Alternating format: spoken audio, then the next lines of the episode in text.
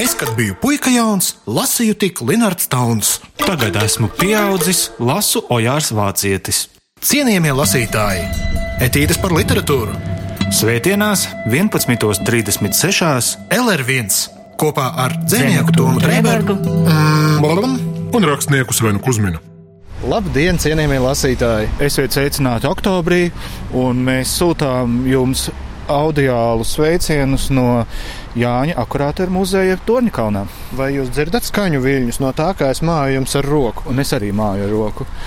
Šo mēnesi mums ir neparasts, varētu teikt, eh, raidījuma varonis. Tas ir režisors un arī scenogrāfs Viktors Jansons. Jā, mans kādreizējais profesors, pie kura es pirmajā kursā mācījos režijas pamatus. Un eh, Viktoru mēs uzrunājām gan tā iemesla dēļ, ka tieši oktobrī notiks filmas Tēvs nakts pirmizrāde, kas stāsta par Žaņa Līpkas dzīves stāstu, un Viktors, kā zināms, ir Žaņa Līpkas memoriāla idejiskais autors.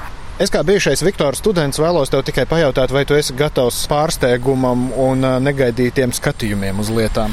Es jau ar tiem negaidītiem skatījumiem sastapos, runājot tieši par šo te filmu Tēvs nakts, jo pēc viena no pirmajiem seansiem mums ar Viktoru bija gara saruna, un viņš atklāja daudz interesantu nianšu par kara laika Rīgu.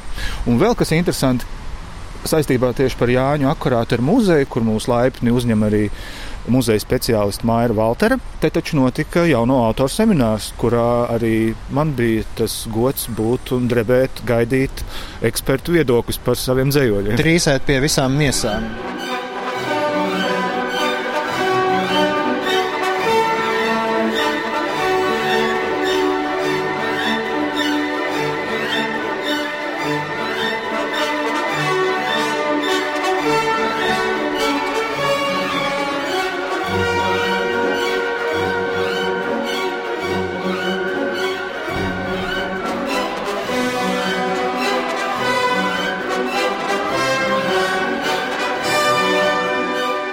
Es neesmu dzinieks, un man nav ne vēlmes, ne arī prasmes sēdēt un lasīt dzīvoļu grāmatiņas, un es to nedaru, un es arī nezinu, kā to darīt.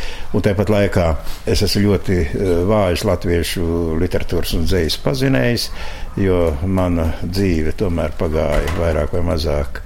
Krievijā, Leņģeradā, Maskavā, līdz ar to man nav pamata bāze. Bet tāpat laikā, atgriežoties no tādas ilgstošas probūtnes, sāku apgūt latviešu literatūru, un man eh, bija brīnišķīga iespēja. Vispirms, kad darba jau nebija nekur, un neviens tevi nepieņēma, Es uzsāku savu darbību Teātras muzejā, kā naktsargs. Man bija brīnišķīga vieta, trīs ar pusi gadi oficiāli strādāju. Tajā muzejā, kas atradās Smilģu ielas. Mm -hmm. Jā. Un uh, es vienojos ar uh, direktori Silviju Geikinu, ka es varēšu nu, savos brīvajos brīžos iesaistīt kādu dzīslu izrādi. Un pirmā dzīslu izrāde bija Lorkas kliedziens, ko bija tulkojis, un brīnišķīgi bija iztulkojis Knuts Kujenieks. Man bija brīnišķīga aktrīze, Marina Janaus no Dailas teātra, Haralds Sīmanis, man bija komponists un dziedonis, un Ilmārs Blumbergs bija mans scenogrāfs.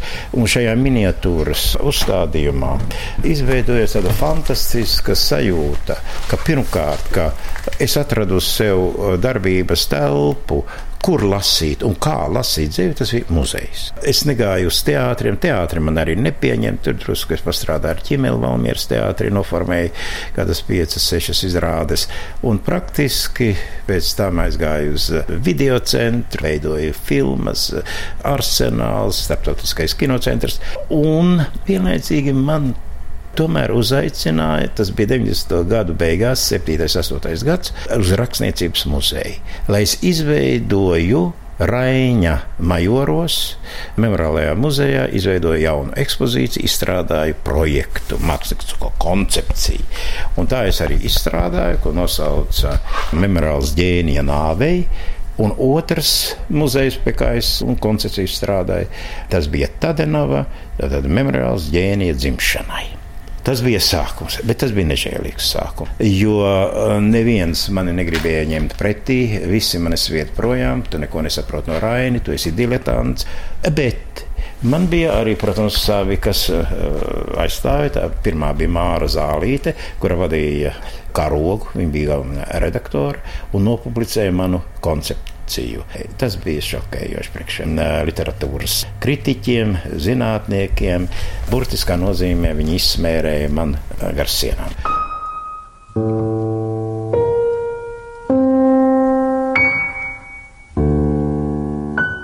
1998. gadā literatūrā un mākslā. Jansonijādē muzejos ne. Jansonijādē muzejos nē.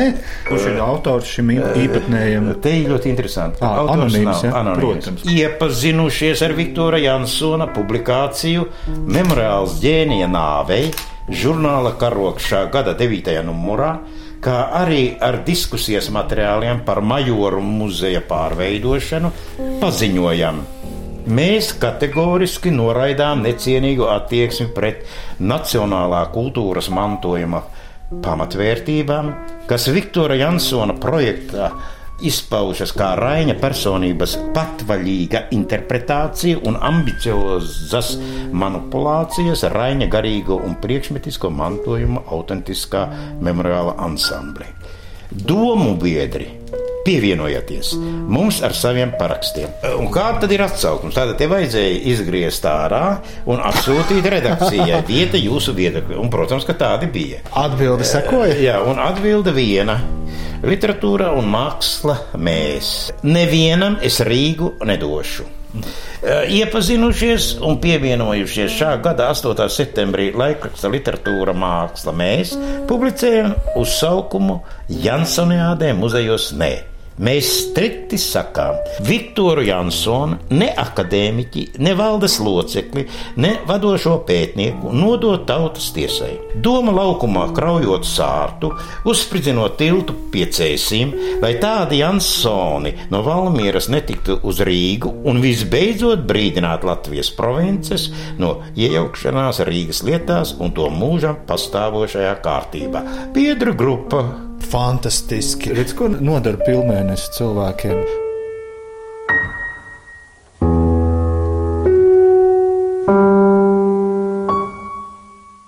Un tikai rezultātā, tad, kad es tiku nu, atbīdīts, nosviesnos, man bija jauns piedāvājums, ko Toms ļoti labi zina. Tas ir Žaņa Lipkas muzeja memoriāls.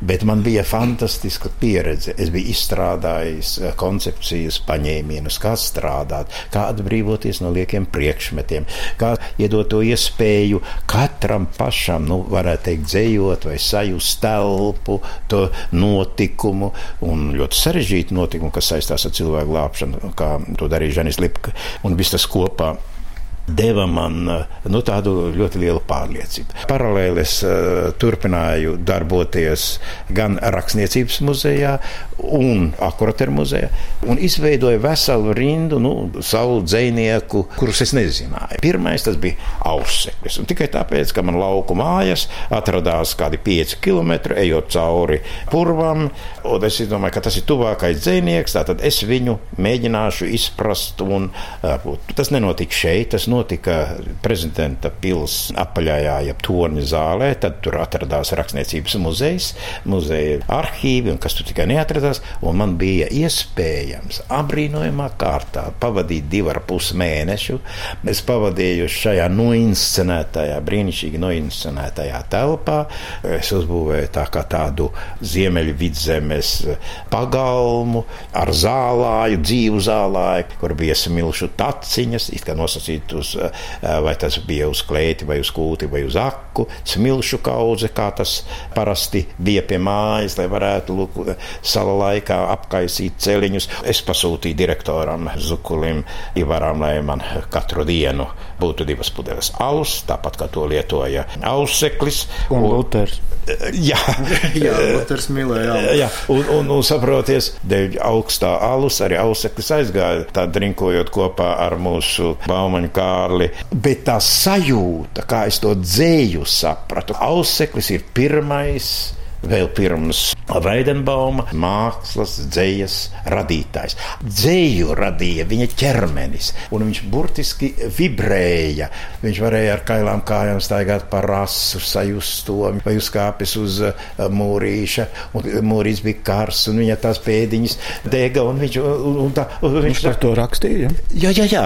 Un, un tad viņš, viņš sāka vibrēt, un to man, man mīļā māmuliņa, mani mīļā audzina, mani, un, un viņš izvibrēja, it kā to pašu tautas dziesmu viņš padarīja par mākslas objektu. Tāds bija auseklis ar to antropoloģisko uh, sapratni. Nē, jau viņš ko saprat par antropoloģiju tajā laikā. Kaut gan vēlāk viņš arī rakstīja un piezīmē šo antropoloģisko sajūtu, radot dzēju. Bet tad mani pārņem savā ziņā nosacīti maira, un te es izstrādāju veselu rindu atklāsmes par atsevišķiem dzējniekiem. Pirmais, kas šeit bija, bija virza. Tā bija saruna par virzu un uh, viņa biķeri, ko uzrakstīja 1909. gadā. Un šī traģēdija, tad, kad šis biķeris tika sasists, jeb iznīcināts, sadedzināts, prasīts to, jo vēl publika nebija gatava uzņemt šo erotisko dzēju. Var teikt, gan arī desmit gadus viņš nerakstīja dzēju līdz Pirmajam pasaules karam, līdz 16. gadam, kad viņš atkal atsāka, atsāka domāt par dzēju, bet nepublicēja, nevarēja nopublicēt. Un tas bija tāds liels emocionāls pārdzīvojums, viss, kas saistās ar šo. Nosaukums cienījamie lasītāji. Tas ir vairāk par jums. Ja, piemēram, es būtu absolūti persona no malas, ārzemnieks vai citu planētietis, un uh, jums man būtu jāpasaka, lūk, te ir tāda latviešu literatūra. Kā jūs domājat, jūs varētu man citu planētietim paskaidrot, lūk, latviešu literatūra ir šāda. Tas ir tas, kas viņu padara par tādu, kāda viņi ir. Nu, jautājums atkal ir ļoti skaists un Nu, plašs, un, plašs un skaists. Un tādu uh, jautājumu es uzdevu saviem kolēģiem. Tu jau, man liekas, vairs nebija. 2011. gadā uz Prāgas Oi, tas jau ir krietni pēc mana laika. Jā, jā. Tas ā, kolektīvais uzstādījums bija, nu, ko mēs varētu aizvest uz Prāgu. Mēs domājam, Vestraini. Nu, pilnīgs ā, čau. Vai, nu, ko vēl mēs varam aizvest? Kā pasaule varētu mūs saprast? Un es izskaidroju, ka es varu uzbūvēt šādu modeli. Absurdās drāmas pamatlicējs Eiropā nav iztur, jau neska un uh, kā sauc viņu to vēlnu. Uh, bet ir Bekets. Bekets, bet ir Blaumans. Blaumans ir absurdās dramaturgijas pamatlicējs. Eiropā. Jā. Un te es piedāvāju saviem kolēģiem akadēmijā, ka mēs gatavosim četrus autorus ar nodomu, lai pasaulē parādītu, ka Blaumanis ir tikpat nozīmīgs dramaturgs kā Bekets, kā Šekspīrs un uh, Čekovs. Bet varbūt jūs varat minēt uh, vienu mazu piemēru, uh, kur tad ir tas agrīnais absurda grauds Blaumaņa dramaturgijā. Man šobrīd nekas nenāk prātā. Kur tā viņš var nākt? Kur uz to vai kur, Es kur domāju- man to meklēt? Es, var, es varu atbildēt. Viktoru vietā, ka Kristīna aiziet pie Edgara, nevis pie akmentiņa. Tas ir absurds, piemēram. Tas ir trakāk nekā Harms Vecenijā. Jā, Viņu varbūt. savu dzīvi Jā. noliek. Tur nemaz nav tālu no patiesības. Tas ir absurdisms. Jau pašā situācijā, kad akmentiņš, nu, pārticis, godīgs, labi sakoptu zemi, visu to atteikties no tā tikai kaut kādas. Nu, jūtu pārdzīvojumu, seksuālās eh, enerģijas vārdā. Tomēr kopā arī uzauga. Tas ir arī Arī. svarīgi. Arī. Laika, Otrs eh, ir eh, ietverts tas, ka Kristīna Bandu bērns, kas viņu uztaisīja, uztaisīja barons, viņi dzīvo ļoti jokainā salikumā. Pirmā viena no tikšanās, tas ir parkā. Edgars sēž baltās biksēs, melnu vesti, un eh, viņam uz eh, krūtīm ir sarkanas sirds. Blaumanis raksta, parādās Kristīne, un viņa ierauga vispirms sarkanu sirdi. Viņa nezina, kas tas ir. Viņa redz sarkanas liesmas, tad transformē man realitāti. Kas notiek uz ledus gabala? No vienas puses, realistiska situācija, bet nav. Blaumanis noņem visas iespējamās koordinācijas zīmes. Uz ledus gabala atrodas 14 zveji. Un šķiet, ka tā tas arī ir. 15. skara jūris nogrimst, mēģinot pārpeldēt šo ūdens plaisu. Nevis noslīgs, saka, bet nogrims. Viņš vēl ir tāds starp dzīvību un to. Viņš man ieved citā realitātē, ka tas būs gars, viņš saka. Man. Tad, kad puika Kārlēns pavēsta par to, ka ledus gabals ir atlūzis un peldam jūrā, viņš rāda, kādi izskatās cilvēki ka cilvēku vīru acīs parādās savādas liesmas. Pēc pirmās nakts tās liesmas jau ir tik jaudīgas, un ir sajūta, ka uz viņu vaigiem ir parādījusies sirds. Tātad pilnībā noārda to realitātes sajūtu un darbojās vēl spoki. Blaumanis piedāvā tieši šo valodu, ko piedāvās vēlāk Bekets vai Janesko.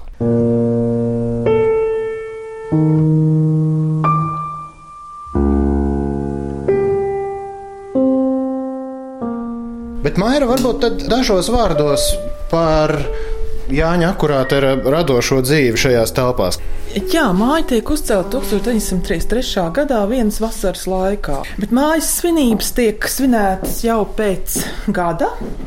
Un šeit mums kabinetā ir arī bilde kur ir akurāti ir tuvākie draugi. Un tie un būtu? Tie būtu Kārlis Skalbe, Antons Austriņš un Kārlis Krūze. Un šai mājā akurāters nodzīvo tikai četrus gadus. Mm -hmm. Pēdējie gadi ir smagas slimības aizēnoti. Bet, neskatoties uz to, tas radošais process turpinās. Un 35. gadā akurāters svin savu rakstniecības jubileju. Un viņam ir jauna lūga, vecie un jaunie, kurus izrāda, izrāda Nacionālā teātrī, kur izrāda Liepājas teātrī. Viņam ir top arī dzējoļi, kurus vairs krājumā pats viņš nepaspēja sakopot. Tas jau iznāk pēc viņa aiziešanas mūžībā, to izdara viņa meita. Kurš krājums tas bija atvainojums? Ceļš un balādes. Tā kā arī tāds mazo stāstu krājums, draugi un gadi. Tas bija gana, gana, gana, gana aktīvs laiks akurātoram. Uh -huh, uh -huh. Un akurātors tajā laikā raksta arī dienas grāmatu, jo tas ir Ulmaņa laiks. Jā. 34. gadā viņam jāaiziet no radiofona direktora amata. Tāpēc, kā par atfonu direktoru vai kādu no zemnieku savienības, nevis akurāti ir, kurš pārstāv demokrātisko centru. Nu, arī tas ietekmē kaut kādu viņa attieksmi pret norisēm. Tā kā te ir laiks arī, par kuru vēl var skatīt, pētīt. Pastāst man, Svien, ko tu. No Jāņa Akrāta kabineta mēs pārvietojamies uz būs? Gaišais salons. Mēs esam gaišajā salonā. Un te ir mūsu literatūra literatūra. mēnesim. Tas ir literatūra un tā. Straumēni. Tas ir tāds fundamentāls, interesants darbs. Otrs, varbūt pats galvenais, es no mājām paņēmu tikai vienu. Tātad man ir 25 sēņi, tāpat kā droši vien jums mājās ir. Katram sevi cienošam, var sakot, bija Latvijas pilsēm.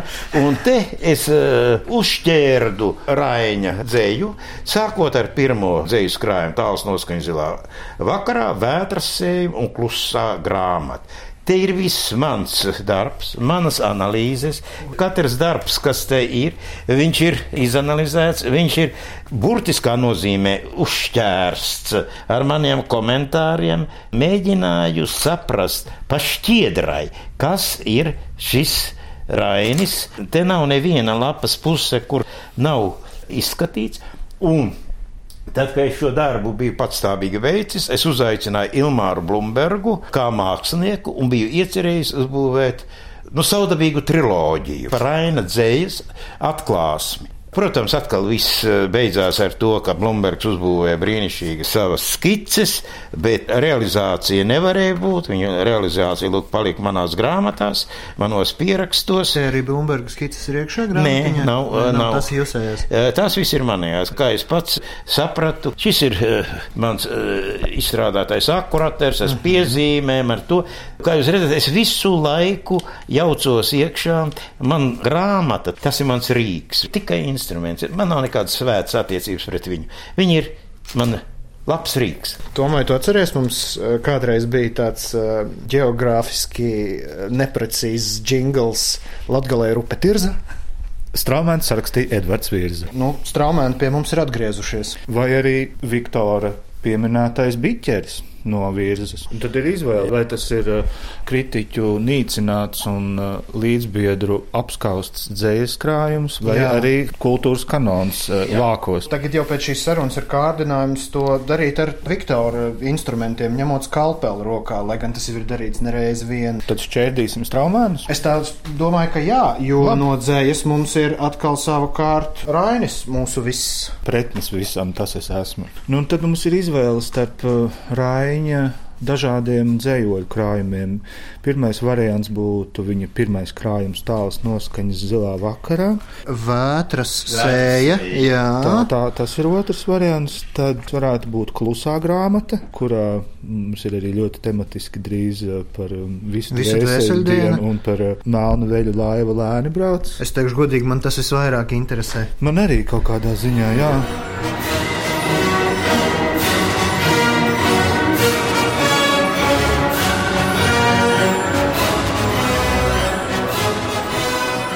Cienījamie lasītāji, tātad oktobra mēnesī mēs lasīsim Edvarda Virzas monumentālu darbu Straumēni Jā. un Raini.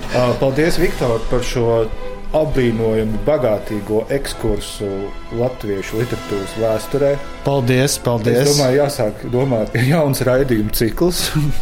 nu, tur varētu, jā. Un paldies arī Mairai. Pateicamies. Uzņemšanu Jāņa Kurāta muzejā. Pie jums mājīgi, kā vienmēr. Paldies par to, ka jūs viesojaties. Nākat, nākat, nākat. Varbūt pa vīnu glāzi ir pabeigta. Nu, bet kā tā jāslēdz ārā? Visu labu, cienījamie lasītāji. Jā, jā, jā. lai jums jauks svētdiena. Ceļojums latviešu literatūras pasaulē. No Garlība Merķeļa līdz Velgai Krilei. No Aleksandra Čaka līdz Jānim Einfeldam. Raidījumā cienījamie lasītāji etīdes par literatūru. Svētdienās! 11.36. LR1